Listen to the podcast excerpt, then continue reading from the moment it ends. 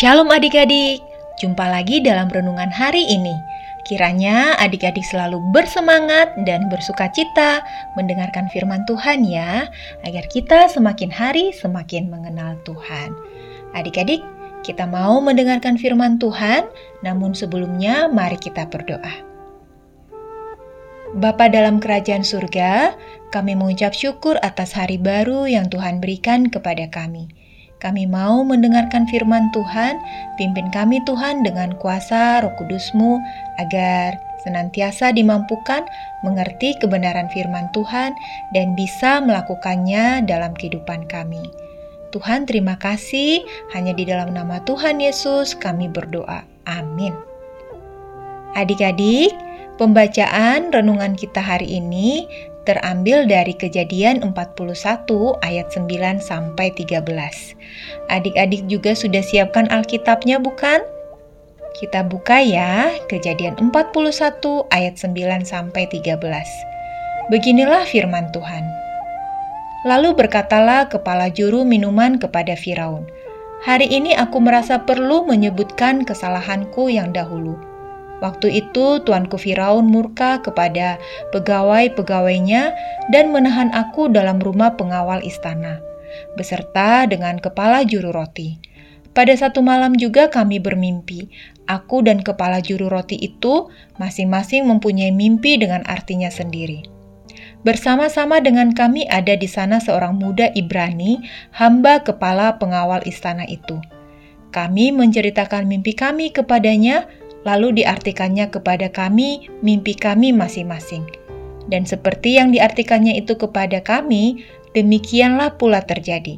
Aku dikembalikan ke dalam pangkatku, dan kepala juru roti itu digantung.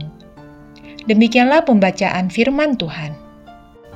Adik-adik, judul renungan kita Sang Penafsir Mimpi dan fokusnya terdapat pada Kejadian 41 ayat 12 yaitu bersama-sama dengan kami ada di sana seorang muda Ibrani, hamba kepala pengawal istana itu.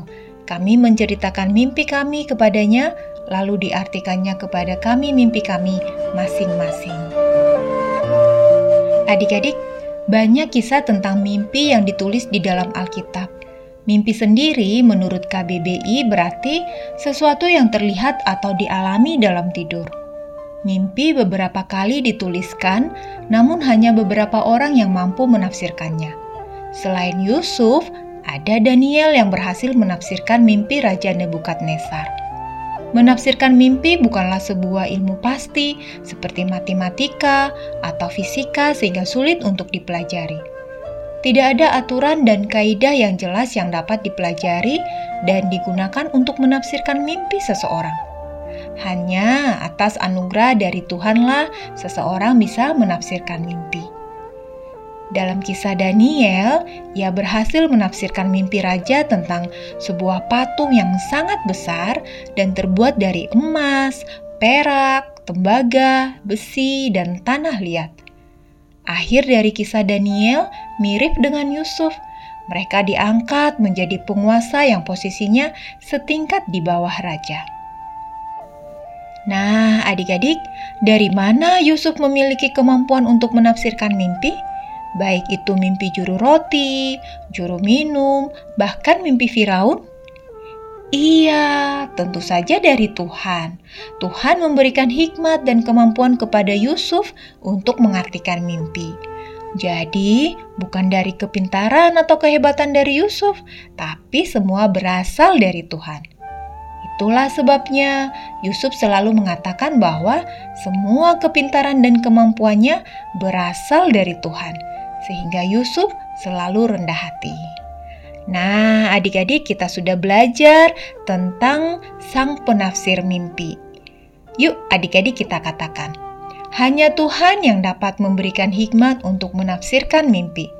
Sekali lagi, ya, adik-adik hanya Tuhan yang dapat memberikan hikmat untuk menafsirkan mimpi. Mari kita berdoa. Bapa di surga, dari kisah Yusuf dan Daniel, kami jadi tahu bahwa hanya Tuhanlah yang mampu memberikan hikmat untuk menafsirkan mimpi. Terima kasih ya Tuhan, di dalam nama Tuhan Yesus kami berdoa. Amin. Adik-adik, demikian renungan hari ini. Tuhan Yesus memberkati kita semuanya.